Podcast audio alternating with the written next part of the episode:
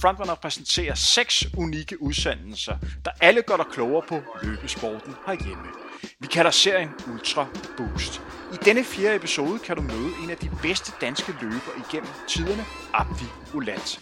Snakken med Abdi bliver udgivet over to dele. I denne første del kan du høre om Abdis træningsperiode op imod det forestående OL. Hans valg om at være professionel løber med dertil hørende bedre mulighed for restitution. Hør, hvad det har haft betydning for Abdi. Vi snakker ligeledes om, hvad han lærte af et skuffende DM 10 meter løb, der blev afviklet i april måned. Hans fascination af den afrikanske løbekultur og hvordan han tilbage ved et Europamesterskab i 2011 lærte på den hårde måde, hvad der skulle til for at konkurrere med de bedste løbere i Europa. Undervejs i udsendelsen optræder et sponsoreret element fra Adidas, hvor du kan høre mere om deres nye supersko Ultra Boost 21. Frontrunner produceret Team Tempo. God fornøjelse. Velkommen til, Abdi. Mange tak, mange tak. Abdi, du har jo efterhånden vundet et utal af danske mesterskaber. Jeg prøvede at tælle dem op i går. Jeg må tilstå, at der er noget til side 2, så må det nødt mm. til at stoppe, fordi jeg kunne simpelthen ikke tælle det så meget mere. Jeg, jeg vil vende spørgsmål om, hvad for en dansk mesterskab har betydet mest for dig? Altså, man kan ikke komme udenom. En hver løber, der har prøvet at løfte kongpokalen, det er en lang cross. Det er absolut det største. Øh, og det bliver, altså, det er jo, det er det løb, jeg faktisk helst vil vinde hvert år. Og, øhm. og der er vi tilbage i 2012, hvor 2012 du vandt det første, første gang. gang. ja. Og hvad er det, der gør det specielt? Er det historien? Ja, præcis historien. Altså, jeg elsker øh, historie. Jeg øh, har altid haft en kærlighed til historie, også i folkeskole og så videre. Øh, og så er det det der med at kunne skrive sin egen historie. Og være en del af noget, som... Ja, inden for kongeriget også. Altså, det var kong Christian, som kong Christian den 10., hvis jeg husker det rigtigt, øh, som kunne lide at, at se cross og så videre. Og den er jo så selvfølgelig efterkaldt ham, øh, den her sølvpokal der, hvor ens navn kommer på og så videre. Og øh, ja, altså, øh, jeg kan huske første gang øh, tilbage i 2011, øh, hvor jeg blev nummer 11 til DM øh, Cross, der tænkte jeg bare, da jeg så øh, morgen løfte den, så tænkte jeg bare, den, den, den kunne jeg godt tænke mig at løfte en eller anden dag, så jeg må hellere komme i sving. Og det skete jo allerede året efter. I dag skal vi blandt andet også kigge lidt tilbage på nogle af højdepunkterne, både positivt og negativt i din karriere. Og skal vi snakke en hel masse om, at du har valgt at, mm. at løbe for, for Aldas og den her nye superløbesko Ultra Boost 21, som nok er det perfekte valg til løberen, der skal have en sko, der skal kunne lidt af det hele. Mm. Men allerførst, det kan jo være, der er nogen, der har trykket play på den her frontrunner der tænker, hvem det er det egentlig Abdi er? Kort beskrivelse af dig. Du er født den 14. juni 1991. Har så gode personer korter som 13.56 på 5.000 meter, 28 39 på 10.000 meter, 1.02.15 på halvmarathon og 2.11.03 på maraton. Stemmer de personer korter? Det er korrekt. Og så har du derudover vundet et udtal af danske mesterskaber, vundet nordisk mesterskab i cross, fået fine placeringer til Europamesterskabet, verdensmesterskabet, var med til OL i 2016 i Rio, og står til at skal med til OL igen i 2021 og løbet den tredje hurtigste maratontid i igennem tiderne herhjemme med pil opad, forstået på den måde, at jeg tror, hvis vi snakker sammen på år, så tror jeg, at den er øhm, ændret lidt til at være lidt længere fremme på, på ranglisten. Men Abdi, det er jo sådan, at for, for tre år siden løb du øh, danske mesterskaber på, på 10 km landvej. Normalt ligger du og, og vinder det her løb. Øh, du blev nummer 9 i, øh, i 30-16. Det er være et dumt spørgsmål øh, for mig at stille, om du er skuffet over det. Selvfølgelig skal du være skuffet over at blive nummer 9. Men hvad lærte du af det løb? Du kommer fra en lang skadespause. Du har flere måneder, hvor du ikke har løbet. Hvad er det for nogle svar, du fik i det her løb her? Jamen altså, hvis vi starter med for eksempel, at de har været ude i ret lang tid, øh, øh, næsten halvt år øh, og lidt mere øh, ude for konkurrencebanen, ikke? Og, sådan, øh, og øh, ja, altså, for mig, altså jeg skal jo ikke lægge lov på, at jeg lyver, hvis jeg siger, at jeg ikke stillet op for at vinde. Øh, sådan, sådan er det. Øh, hver gang jeg stiller op, så vil jeg jo gerne øh, vinde de løb, øh, jeg stiller op i. Øhm, men når det så er sagt, så, så er der jo... Ja, altså, øhm, det gav mig egentlig de svar, at jeg øhm, fik, altså det gav mig sådan en fingerpege af, hvor kroppen er sådan formæssigt. Øhm, hvilken tilstand jeg er i, hvor, hvor er jeg hen. Øh, men øh, sandheden er jo bare, øh, når det gælder, så kunne jeg jo ikke følge med. Øh, og det er jo, ja, det er fuldt fortjent endelig. Øh, og vi øh, står, og at jeg blev nummer 9. Når vi står her, og der er tre måneder til, at ja. OL skal afvikles, hvor du skal løbe maraton og respektere ja, Danmark. Det er jo i starten af øh, august. Hvordan ser den kommende periode ud op til OL? Jamen altså, det er jo sådan, at jeg øh, i øjeblikket, og faktisk siden øh, februar har ligget øh, og, og tonset over 200 km, øh, og nogle gange øh, på en anden side af 240. Ikke? Altså, øh, jeg har de seneste tre uger haft over 235 ikke, om ugen, så øh, maratontræning, det er det, det står på. Og øh, jamen, en gang i start øh, juni, der regner jeg med at tage på den sidste træningslejr øh, i Kenya øhm, så længe omstændighederne tillader, fordi øh, corona har jo skabt også sin kaos øh, verden rundt, ikke? og øh, jeg kigger jo sådan, og øh, har selvfølgelig øh, hør, altså jeg hører jo omkring, hvad folk øh, siger om de områder, som jeg plejer at tage på træningslejre.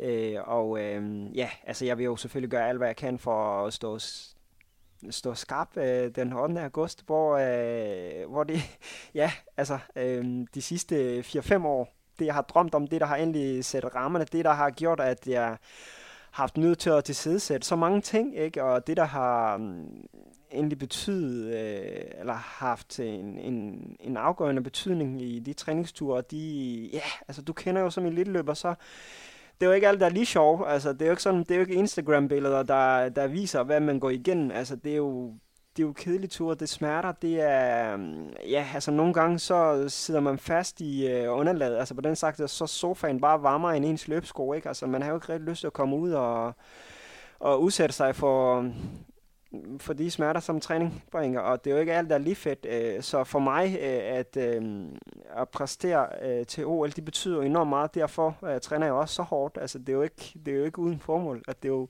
det er jo det, der er formålet øh, med, at jeg til hverdag øh, træner de her 200 km, og til enhver, der ved, hvad, hvor langt 200, 200 km er, det er, jeg ved jo, der er mange, der ikke kører så langt. Jeg kører, så jeg jo ikke selv så langt, øh, så det er jo, ja, altså, det er fuld fokus på, på ren, øh, kun løb. Altså jeg, øh, her i januar, der har jeg jo afsluttet mit studie, så lige nu, så er jeg faktisk fuldtidsløber, så det de gør bare enorm forskel, at jeg kan koncentrere mig kun om at, at forberede mig til OL og bare generelt løb. Der er tre ting, vi lige skal have fokus på i den her proces mod, at du skal stå så knivskarp som hovedet muligt, du kan til ja. OL. Personligt tror jeg, at du har gode chancer, hvis du vel at mærke, altså tæt på 100% som muligt at komme i, i top 20. Måske endda også længere fremme, men konkurrencen til OL er hård. Der er mange, der løber stærkt på verdensplan, især på maraton lige i øjeblikket. Der er virkelig sket et boom. Men du har været væk i den her skadesperiode. Man snakker jo nogle gange om, at man bliver rigtig sulten, når man er væk. Men det, man måske glemmer lidt at snakke om, det er den her konkurrenceform. Det med at vende sig til at være konkurrence. Man godt kan glemme den. Kunne du mærke det helt konkret, da du skulle ud og løbe, at det her, det er lang tid siden, jeg har været konkurrence, det er helt føles lidt mere unormalt? Jamen det kan det godt, altså det er jo, det er jo ikke unormalt, altså det er jo ikke sådan med, at man, at man tænker, jamen jeg er ikke i konkurrence, fordi adrenalin er der, og viljen er der, og man er sulten, og man mm, på, på en måde, så er der jo fanget mange, mange lamper, der er tændt i, op i hovedet, ikke? Altså når man, man føler sig, at der gnisten er der, men men det, man mangler, det er jo den der, at, at øh, gearskift, altså, det kan, det kan man godt mangle lidt, øh, fordi konkurrence, at man ikke har været i konkurrence i så lang tid, ikke? Altså, øhm, så man kan godt få sådan en, en mavebooster, når en gang imellem, at, at tempoet bliver skiftet. Da jeg var i starten af, af 20'erne, den alder du havde, da vi to lærte den at kende, jeg er lige et par år ældre end dig, der undrer mig, at når løberne kommer omkring de her 30 år, som du er nu, så var en del løbere, der begyndte lige pludselig anderledes prioriteringer, fordi øh, at der lige pludselig også et andet liv, man sådan skulle gøre klar til. Nu er du øh, selv øh, tæt på de øh, 30. Kan du mærke, at prioriteterne ændrer sig? Det kan også være svært at komme igennem den hårde træning. Kan du mærke det? Absolut, absolut. Altså, jeg, selvfølgelig, altså, prioriteringer er jo på sin plads. Altså, sådan er det bare. Altså, livet, det bevæger sig jo kun en vej, ikke? Altså, og sådan er det jo. Jeg er jo ikke anderledes end, end mange mennesker. Men der er mange måder at gøre det på. Altså, jeg synes, at øh, min træning altså, har aldrig været bedre. Øh, jeg føler, at jeg lykkes med alle de ting, som jeg planlægger. Øh, og øh, jeg har jo valgt en måde, som faktisk fungerer for mig, at jeg ikke at jeg ikke øh, at, at, at træning skal være rigid, at der er ikke noget, der hedder, at jeg skal lave øh, altså tempo tirsdag eller torsdag og lørdag. Altså, jeg laver, hvad kroppen er frisk til. Hvis jeg har sådan ofte sådan, at jeg går ud og varmer op. Hvis, hvis, hvis det ikke er der, så, så løber jeg lidt længere ture. Altså, øh, i stedet for at sige, jamen lad os gå ud og, og lave det tempo, øh, som jeg har planlagt. Så det synes jeg har hjulpet mig enormt meget. Øh, nogle gange så har jeg jo lavet ja, intervaller om søndagen, ikke? og så har jeg løbet langtur mandag. Altså sådan, at, at man lige pludselig forlænger også sin uge til at sige, øh, jeg, jeg løber sådan otte dage, øh, stedet for syv dage. Det, det, det, har, det har du jo nok også selv prøvet, men også det med, at, at der jo har været mange historier og så videre, og det, jeg vil sige, det fungerer for mig øh, lige nu, og jeg synes, at ja, altså jo, jo mere jeg prioriterer tingene, jo mere sådan jeg er klar over, hvad der er vigtigt, og hvad der ikke er mindre vigtigt, det, det, ja, altså, øhm, det, så synes jeg, det kommer til at fungere, og det er jo der er bare lidt mindre om ørerne, end, end jeg jeg plejer at have som yngre, ikke? Altså, man, har jo, man havde jo bare sindssygt mange bolde i luften, men jeg følte bare, at jeg havde så travlt. Øh, med lige nu, så når jeg ser det, så, så synes jeg, at jeg har god til mange ting, og um, altså, mm, og har god tid til at restituere, fordi det er det, jeg synes, der har mangler. Det er det, folk mangler. Det er det, eliteløber for eksempel. Den bedste råd, jeg kan faktisk give, det er, at de prioriterer øh, restitution. Træning kan de... Altså, alle har tid til at træne to til tre timer hver dag. Men alle har ikke tid til at lægge på sofaen fem timer, fordi deres omgivelser, at de ikke tør at sige nej til deres omgivelser, at det, det er også det med, at jeg... Øhm, personligt har fanget mig selv i at, at, at løbe med det her travle hverdag, som alle har. Altså, hvorfor skal man følge andres øh, plan? Fordi samfundet bevæger sig en vej, hvis man selv kan kontrollere det. Altså, det er det der med, at, øh, jamen, hvad er vigtigt for en? Altså, hvorfor skal man også blive påvirket af, fordi ens ven har et helt andet plan? Altså, hvis, hvis man selv kan kontrol, hvis man selv har kontrol over sit liv, hvorfor skal man lade andre komme på tværs? Altså, øh, forstår mig ret, det er det med, at øh, for eksempel, jeg, jeg tænker jo sådan, når jeg har trænet, hvad er det det næste vigtigste? det er restitution. Hvordan kan jeg blive frisk i næste løb, altså øh, til næste træningspas? Altså, det, det, det er sådan eliteløb skal tænke. Det er sådan verdens bedste i Kenya for eksempel, og Etiopien tænker. Altså, hvad er det, der gør os anderledes? Altså, det er sådan, de bedste løber gør, og det er sådan, de bedste resultater bliver skabt, ikke? Altså sådan, så, ja. Jeg fortæller dig en, her, en historie, der understreger meget det, som du siger her. En anden Adidas-legende, Haile Gebrselassie. Jeg var nede og løbe et løb i Holland. Har du været nede og løbe det der Seven Hills Run? Ja, det har jeg. Det har, ja. Det har jeg. Vi er tilbage i, i 2011. Jeg sidder og spiser aftensmad, og så lige pludselig kommer en løber hen. Jeg kan ikke se, hvem det er, for den står bag mig, og så spørger han, om han må sidde ved siden af mig.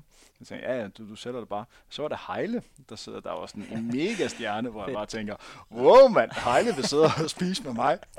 Så falder jeg så i snak med Heile, og jeg kan selvfølgelig ikke lade være med at spørge, at, øh, hvad hans hemmelighed er.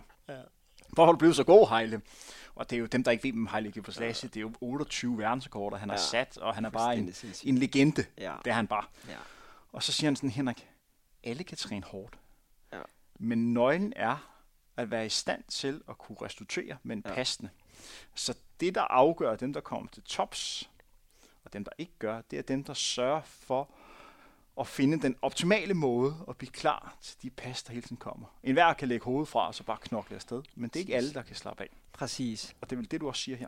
Det er nemlig det. Det er nemlig det. Det der med at bare kunne lægge sig fem timer øh, på sofaen. Jeg ved jo godt, at rent praktisk, og det samfund, vi lever i, at nogle gange kan det ikke lade sig gøre, fordi man har studie, man har fuldtidsjob og alt det der, ikke? Altså, men de timer, man kan finde for at kunne slappe af, det er man nødt til at prioritere. Og prioriterer man ikke det, så skal man jo heller ikke... Så er man jo også nødt til at tænke over, hvorfor resultaterne ikke er der. Altså, fordi det er jo noget, som er kommet til mig med tiden. Det er jo noget, jeg har opdaget, at, at nogle gange, for eksempel når jeg har siddet i skolen, så har jeg jo tænkt, øh, hvornår er det, du skal træne næste pas? Når jeg har været ude og løbe, så har jeg tænkt, åh, du har også en aflevering kl. 11, og klokken er måske 9, ikke? Altså sådan. Så det er jo, altså, man når slet ikke at falde til ro, vel, øh, før man skal i gang med en ny dag, altså næste dag, ikke? Altså sådan, så sover man fem timer, altså, jeg sover 5 timer om, om, om natten, det er ikke særlig mange.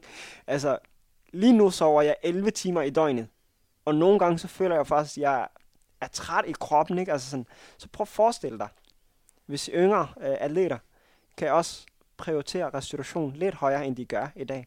Det tror jeg, de vil få meget ud af det. Altså, jeg siger jo ikke, at man ikke kan gøre det. Øh, med mindre, altså øh, færre timer. Men, men, men det handler jo ikke kun om søvn.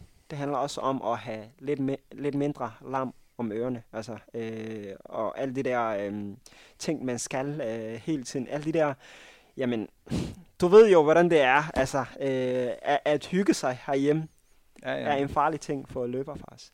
At sidde på en stol og være sammen med men, så mange andre. Men Abdi, du har vundet et utal af danske mesterskaber. Du har løbet nogle rigtig flotte øh, rekorder. Og du har også været med til Europamesterskabet, hvor du præsterede. Du blev nummer 5 til Europamesterskabet på halvmarathon. Du har præsteret godt til VM og med til OL før. Hvor, hvad er det, der stadigvæk motiverer dig til at finde den her knist, der gør, at man kommer igennem, når det bliver, når det bliver rigtig ondt? Fordi det er jo det, der er kunsten nu her. Det er jo at æde sig selv. Ikke bare i dag, men dagen, der kommer i morgen, ja. og, og dagen igen. Alle kan træne som eliteløber en enkelt dag. Men sådan en som dig, hvis du gerne skal nå dit mål, så skal du træne som en prof hver eneste dag. Jamen det, der driver mig, det er simpelthen at få medaljer rundt om halsen. Så godt svar er det, så simpelt er det. Altså, det er ikke simpelt at vente, men det er det, der det er driven. Altså, øh, at stå på medaljeskammen, det er, det er absolut det, der driver mig i fremtiden. Jeg, jeg tænker bare, jeg håber, det lykkes. Altså, jeg tænker bare, hvis det kan lykkes med alle andre, så, så tænker jeg, at jeg jo også så længe jeg arbejder hårdt og er målrettet og tror på de evner, jeg har. Jeg ved jo godt, at nogle gange, så, øhm, så kan hovedet løbe fra kroppen, ikke? Altså sådan, fordi man har jo nogle vanvittige drømme, ikke? Altså sådan, øh, men jeg tror på, at min drømme kan lykkes. Så det, det, det er egentlig det, der driver mig, det er at få medalje. Øh. Du har jo lavet en, en aftale med, øh, med Adidas, som blandt andet betyder, at du kunne gå professionel der gør, at du kan slappe mere af, end du har, du har gjort før. Og du er så i gang med at starte på dit nye liv som professionel løber. Helt konkret betyder det, at du kan restituere bedre. Øh, hvor mange andre punkter kan det være med at forbedre din satsning nu på kort sigt op imod OL? Hvad betyder det for dig?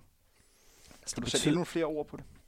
Jamen det betyder jo enormt meget, altså det her med, at øh, først og fremmest, at jeg ikke skal bekymre mig om at, at betale huslejen for eksempel. Altså kort sagt, altså sådan, det der med at gå, jeg ikke behøver at gå på arbejde, jeg ikke behøver at sidde, øh, ja, altså, øh, et sted, hvor der forventes, at jeg øh, møder på arbejde klokken 8 og fri klokken 16, ikke? Altså, øh, at jeg sådan kan koncentrere mig kun om træning og dine sportslige øh, mål. Altså, det er jo det, det er endelig det, det betyder, øh, at jeg øh, har valgt at gå med Adidas, og det, det, det betyder bare, den drøm har jeg jo haft, siden jeg startede. Øh, det her med at bare kunne være fuldtidsløber, men det har jeg kunnet lade sig gøre desværre, øh, på grund af, ja, altså, øh, så, så, som løber, så har man jo ikke, øh, så har man jo ikke alle de nødvendige ting, øh, selvom jeg synes, at jeg blev støttet enormt godt og godt dækket, og er privilegeret, både klub og forbund støtter mig enormt meget,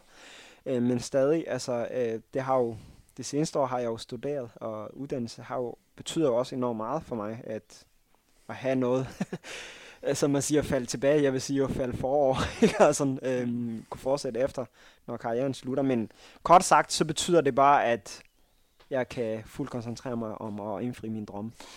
Du har jo løbet et, et tidligere mærke, og det er også forstås med en mulig kærlighed, fordi der er jo rigtig mange gode øh, løbemærker.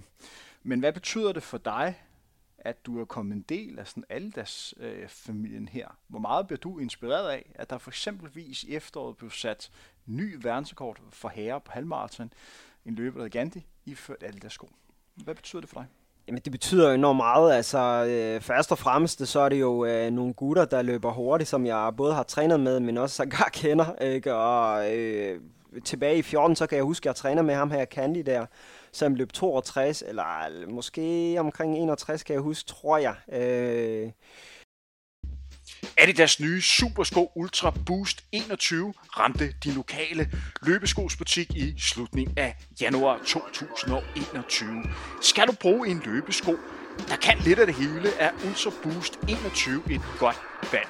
Adidas beskriver selv løbeskoen som måske deres mest komfortable og behagelige løbesko til dato uanset om du skal bruge skoen til at løbe eller til at gå i.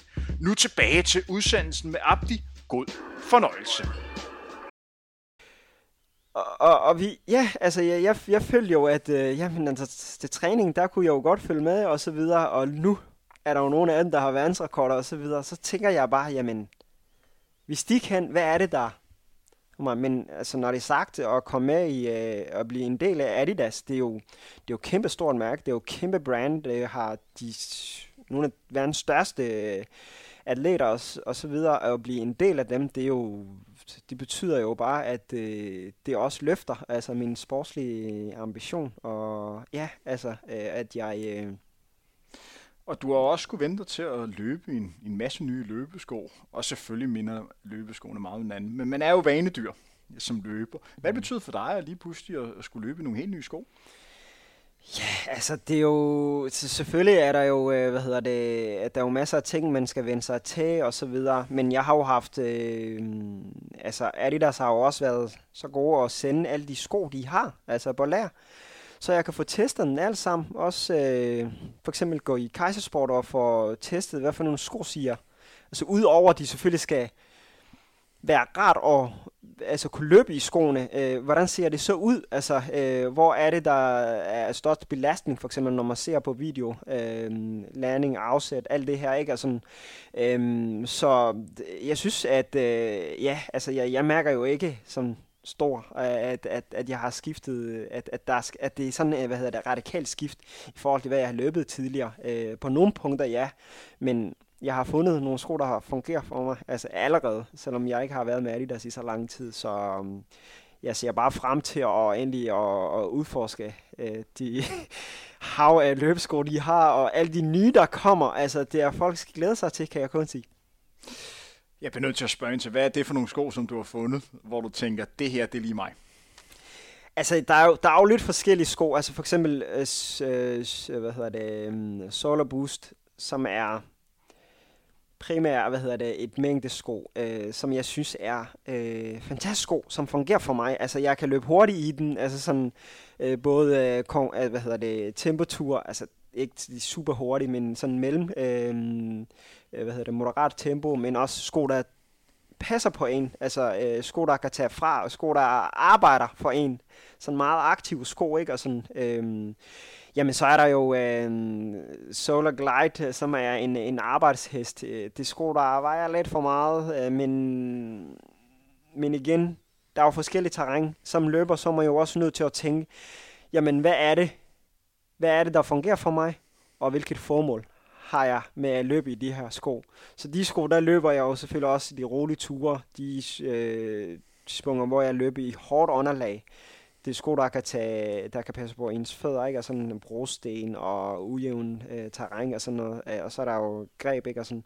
og så er der jo en arbejdshest, som, øh, som hvad hedder det, um, Ultra Boost, ikke? Altså sådan øh, sko, der er bare, ja, altså, det, det, det, når du skal ud og bare være afslappet, og om det egentlig er en, en gårdtur eller en øh, rolig tur øh, i skoven eller på asfalt øh, på landevej, eller når du skal sige godt ud, i dit øh, street outfit, ikke? Altså, så, så synes jeg bare, det er sko, der, ja, altså, omfavner lidt, faktisk lidt, øh, henvender sig til lidt bredere, øh, hvad hedder det, um, øh, løbere, altså sådan ikke bare kun den lette, ligesom jeg jo eksempel letvægtløber, som skal flytte skoene, fordi de vejer jo også lidt, men sko, der faktisk har også, altså henvender sig sindssygt meget til øh, folk, der er lige startet, folk, der er ja, altså, lidt tungere løber. Øh, folk, der har svært ved at sætte farten ned, fordi de bare øh, altså, er glade og kan godt lide at komme hurtigt rundt.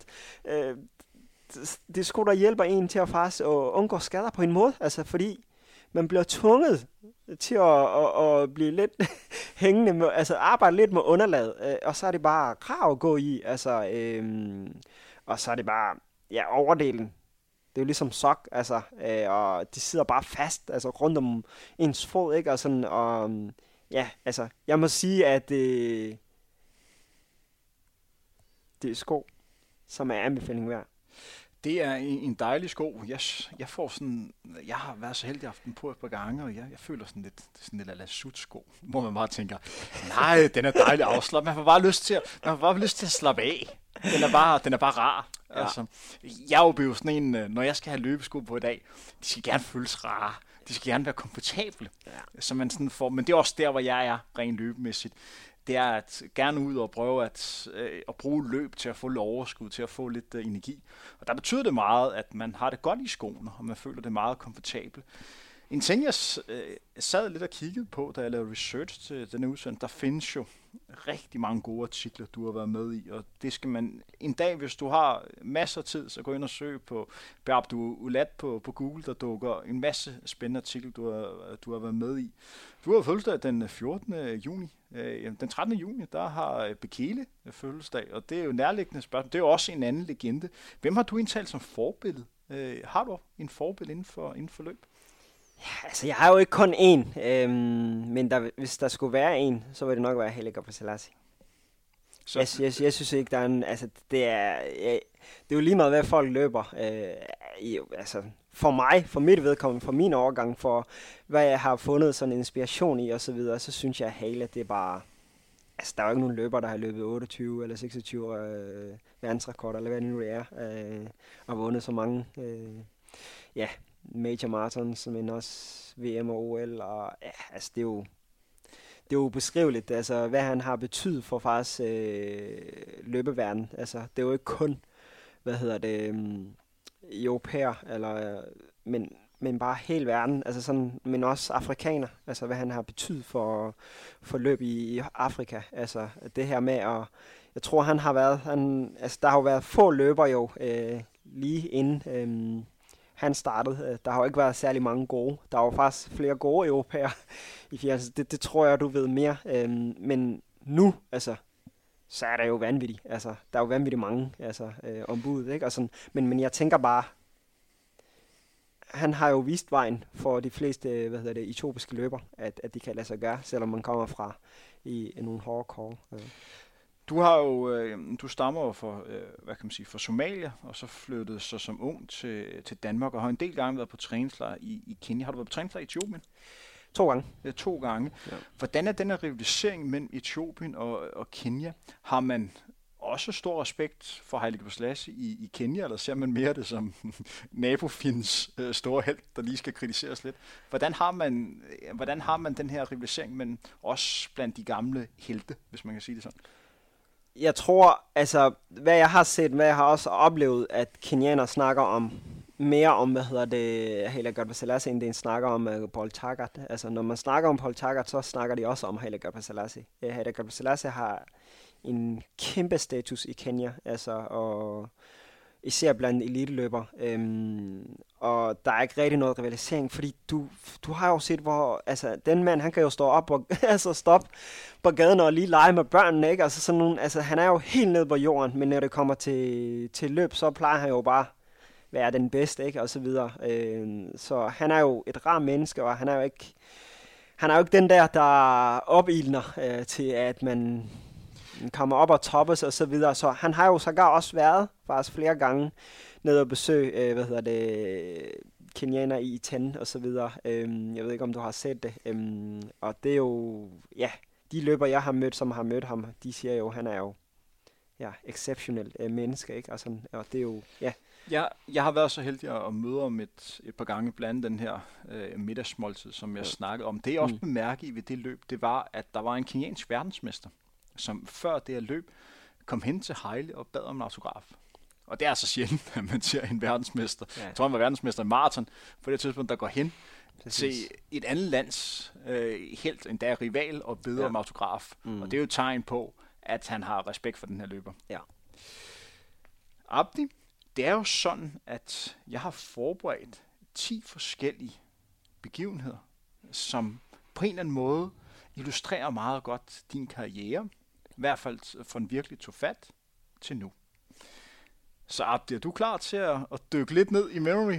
Puha, altså det, det, det, bliver jo, uh, det bliver jo en udfordring, fordi at uh, langtidsudkommelse, det er sgu ikke min kop til. Men det kan, være, prøve, det, kan, det kan være, at du kan hjælpe mig lidt. Jeg må prøve at hjælpe ja. dig så godt jeg kan. Ja. Den første ting, vi lige skal, skal snakke om, det var jo det løb, hvor du virkelig prøvede igennem herhjemme. Det var en, en kold januardag i, øh, i, Aalborg i slutningen af, af måneden, hvor man skulle løbe 15 km. Rygterne gik på, at der var en ung løber for Kursør, som var i, i god form. Jeg husker det som om, at du har løbet i nytårsløb, som var, øh, som var rigtig hurtigt. Du havde haft en god øh, 2010-sæson øh, 2011, øh, men ikke en sæson, hvor man går ind og siger, at det her det er en løber, der vil være den bedste i Danmark året efter. Øh, det var en 15 km løb, hvor at øh, feltet var sådan rimelig, øh, var rimelig åben. Det var også et løb, hvor jeg personligt selv var lige kommet hjem fra, fra Sydafrika, og var lidt bange for at få en skade på øh, det glatte underlag, så, så jeg stod og kiggede på. Og det jeg blev mærke i, det var, at der var seks løbere, der kom løbende ind på øh, rundstrækningen på 400 meter, ind på atletikbanen til slut, og der oversprintede du alle på de sidste 400 meter, og fik den, den første store sejr, en alder af kun øh, 20 år. Hvad betyder den sejr for dig? Ja, det betyder enormt meget. Altså, øhm, først og fremmest, så, øhm, så starter faktisk hele den her øhm, udvikling øhm, lidt tilbage i øhm, 2021, eller 2011, undskyld, hvor vi var øh, til øhm, EM Cross. Jeg tror, det var Valenia. Øhm, og øh, jeg kom så med som, øh, altså jeg, jeg løb som U23, øh, hvad hedder det, eller jeg løb i U23-feltet, øh, og øhm, jeg kan bare huske, da starten går, så var jeg den øh, sidste, der kom ud. så tænkte jeg bare, for satan, hvor går det hurtigt, ikke altså? Øh, og det var, det var ligesom en øjneåbner for mig, altså. Øhm, så jeg begyndte at faktisk at træne sådan lidt mere lidt mere. Altså, jeg, jeg, jeg, kom, jeg gik fra at træne 70 km til 110 om ugen, og det har haft en kæmpe betydning for mig. Øhm, derfor har jeg jo selvfølgelig, det her løb, det var jo selvfølgelig super fedt at vinde, men jeg vidste jo på en måde, at, at jeg var i rigtig god form, og hvad hedder det, at, øhm, at, at tingene gik faktisk i, som jeg havde drømt om, og så videre. Men at vinde, det var jo ligesom, det, det, det var ligesom uh, icebreaker, ikke? Altså, det, spar, det, spar, jeg, det var ligesom at sparke døren ind til, ja, hvor guldet var, ikke? Altså, så. Og vi skal jo lige nævne, at øh, løberen, som nok var favorit for de løbere, der stillede til start, var jo Morten Munkholm, som lige var blevet nummer 10 øh, til selv samme EM for, mm. for senior i cross. Jeg tror endda også, at han, han har fået en placering så øh, mere så nummer 9, og det er en god placering til mm. mesterskabet i mm. cross. Øh, så, så det var et ganske godt felt, som du slog der. Det var jo så et forår, hvor at du blandt andet vandt dit første danske mesterskab, det her lang cross, du nævnte tidligere, det var den mm. danske mesterskab tød meget for dig. Og så blev du også dansk mester på, på 10 km, ikke langt fra, hvor vi sidder og optager mm. her i dag på, på Østerbro til 10 km landvej. Og så tog du til Holland og låner 29 minutter på, øh, på landvej. Vi spoler lidt frem igen til, til 2013. Kan du huske, hvad du har lavet den 11. juli 2013? Mm, juli. Jeg kan fortælle, at du var i Finland. Nå, U23 EM. Kan det bedste? Ja. Var det det? 10.000 meter? 10.000 meter. Øh, kæft, Hvor? Man. Jeg har glemt fuldstændig. Og... Hvor du blev nummer 3. Ja, men jeg kan ikke huske, hvilken by. Øh, Tampere. I Tampere, ja. Der er 29, det er korrekt. 44. Ja. I et løb, hvor at Thijs også var med mm. øh, i feltet. Hvem skulle tro, at I også øh, 10 år senere skulle ligge og dyste på en marathon-distance ja, på det, det på, på det ja. tidspunkt? Ja, det. Men der får du så din, din første sådan, internationale medalje. Du er nordisk mester i cross på det tidspunkt, for det blev efteråret 2012. Men kan du huske, hvad det betød for dig at få medalje her til det er jo 23 EM? Ja, det betyder enormt meget. Altså det her, jeg har jo altid drømt om at også, øh, jamen, både øh, kunne være med. Altså der, hvor det er sjovt at være med. Men udover det, men også selvfølgelig at, at, at ja, altså, øhm, jeg har altid drømt om at få international medalje, altså, øh, så det betyder jo enormt meget. Jeg havde faktisk et, et lidt kedeligt år, øh, hvor jeg, resultaterne ikke var særlig gode, og jeg havde mit, øh, jeg afsluttede gymnasiet, tror jeg, lige det år der, øh, faktisk juni måned øh, der havde jeg jo syv eksamener, eller sådan noget, jeg gik på HF, kan jeg huske. Og øh, jeg var enormt træt. Altså, jeg var jo fuldstændig smadret nærmest op i hovedet, ikke? Altså, men jeg kan huske en start til det løb der. Så jeg kan huske, Lev fik færdig i mig, og så sagde jeg bare, nu tager du dig sammen. det, var, det, det, var det, det var sidste, og det er det eneste, jeg husker. Så det, det, tænk, det tænkte jeg på hele vejen, altså mens jeg løb det løb der. Det er faktisk det, det, der, det jeg tænker mest tilbage på. Øhm, nu tager du dig sammen. Jeg ved godt, du er i form til det. Men du, du, du skal bare med, når toget kører. Øhm, og det var jo, ja. Hvad betyder det at stille op for Danmark for dig? Altså, det betyder enormt meget. Altså, det her, det er jo... Det her med at... Altså, en ting er at være løber i Danmark, men andet er jo sådan, at man er ligesom den eneste, eller blandt de få, der får lov til at få, altså, repræsentere et hele folkefærd, men også det med at repræsentere et, en sportsgren, man holder af. Og så er det det, at øh, jamen, de andre lande kan se, at Danmark har nogle løbere, kom, som kan være med, altså der, hvor det er sjovt også, og kan, de betyder jo også meget for mig, altså at jeg, øh, jeg på en måde øh, kan vise Danmark udad til, fordi det er jo et land, jeg holder af, og ikke bare, altså jeg, jeg det, det lyder jo lidt mærkeligt, når jeg er jo i Afrika, så føler jeg jo nærmest fremmed, fordi ja, altså jeg har jo ikke, jeg, mit liv er jo i Danmark, og det er jo, ja, altså det er jo ikke, det er jo ikke nogen ting, jeg skal det, altså, jeg, jeg, jeg, hvad hedder det, skal bede om andre om at vurdere. Det er jo nogle ting, som jeg selv skal vurdere, og selv skal mærke, øh, hvad betydning de har. Og det, jeg kan jo kun sige, at det er, ja, det, Danmark betyder meget for mig, at jeg, jeg føler jo ikke, at jeg har et andet land. Så. Apropos Danmark og landshold, så den næste ting, vi skal snakke om, er en begivenhed, som foregik i København, marts 2014. Der var verdensmandskabet på halvmarathon det var jo sådan, at øh, vi havde været på træningslejr i Portugal. Vi to var med, og alle andre, som var en del af den her brutotrup, både for herre og damer, nede i Algarve i februar måned. Jeg husker tilbage på, på den tur, jeg skal lige nævne, at det var ikke den personligt bedste tur for mig, men jeg kan, altså, jeg mindes ikke, at du var sådan i superform på, på det tidspunkt. Og du står og skal hjem igen, og så sted til Kenya første gang på, på træningslejr. Og så kan jeg huske, at du er afsted i en, en lille måneds tid, og så kan jeg huske, at vi mødes de der par dage før selve løbet. Og jeg kan huske, så møder du ind på hotellet. Der, og der var gået rygter om, at du havde trænet godt. Men da du kom frem der, tænkte wow, mand, han så skarp mm. ud. Er du mm. sindssygt, du så skarp ud? Altså, mm. Hvad betyder det for dig at være på træningslejr? Hvad skete der den her måned? For det var jo første gang, du var afsted i, i Kenya, ja. så du må virkelig have lært noget her. Fordi du, du kommer jo her. Altså, det er jo en helt anden app, vi ser. Ja. Altså, det er jo det var nærmest øjenåbner for mig. Altså, det gik jo op for mig, at jeg øh, ligesom ikke trænede nok, ikke trænede øh, specifikt nok til, til at kunne løbe distancen. Altså, øh, og det er jo nogle af de ting, som man lærer, når man kommer til et nyt land, hvor løb betyder meget, hvor løb er ligesom, ja, altså, øh, folksporten, ikke? Altså sådan, det er jo det, der er nationalsport og så videre, og så er det jo det med, at jeg, jamen, jeg kom i en rigtig god gruppe, og folk, der var rigtig søde øh, ved mig, og jeg lærte jo enormt meget, jeg mødte blandt andet, hvad hedder han, øh, derværende verdensrekordholder på maraton, øh, ja, nu han hedder Patrick. Øh, Patrick Macau. Ja, Patrick Macau, og han var jo exceptional øh, fyr, altså tog til mig, og jeg spurgte jo så mange spørgsmål, at øh, til sidst så sagde han bare, nu skal du løbe mig også.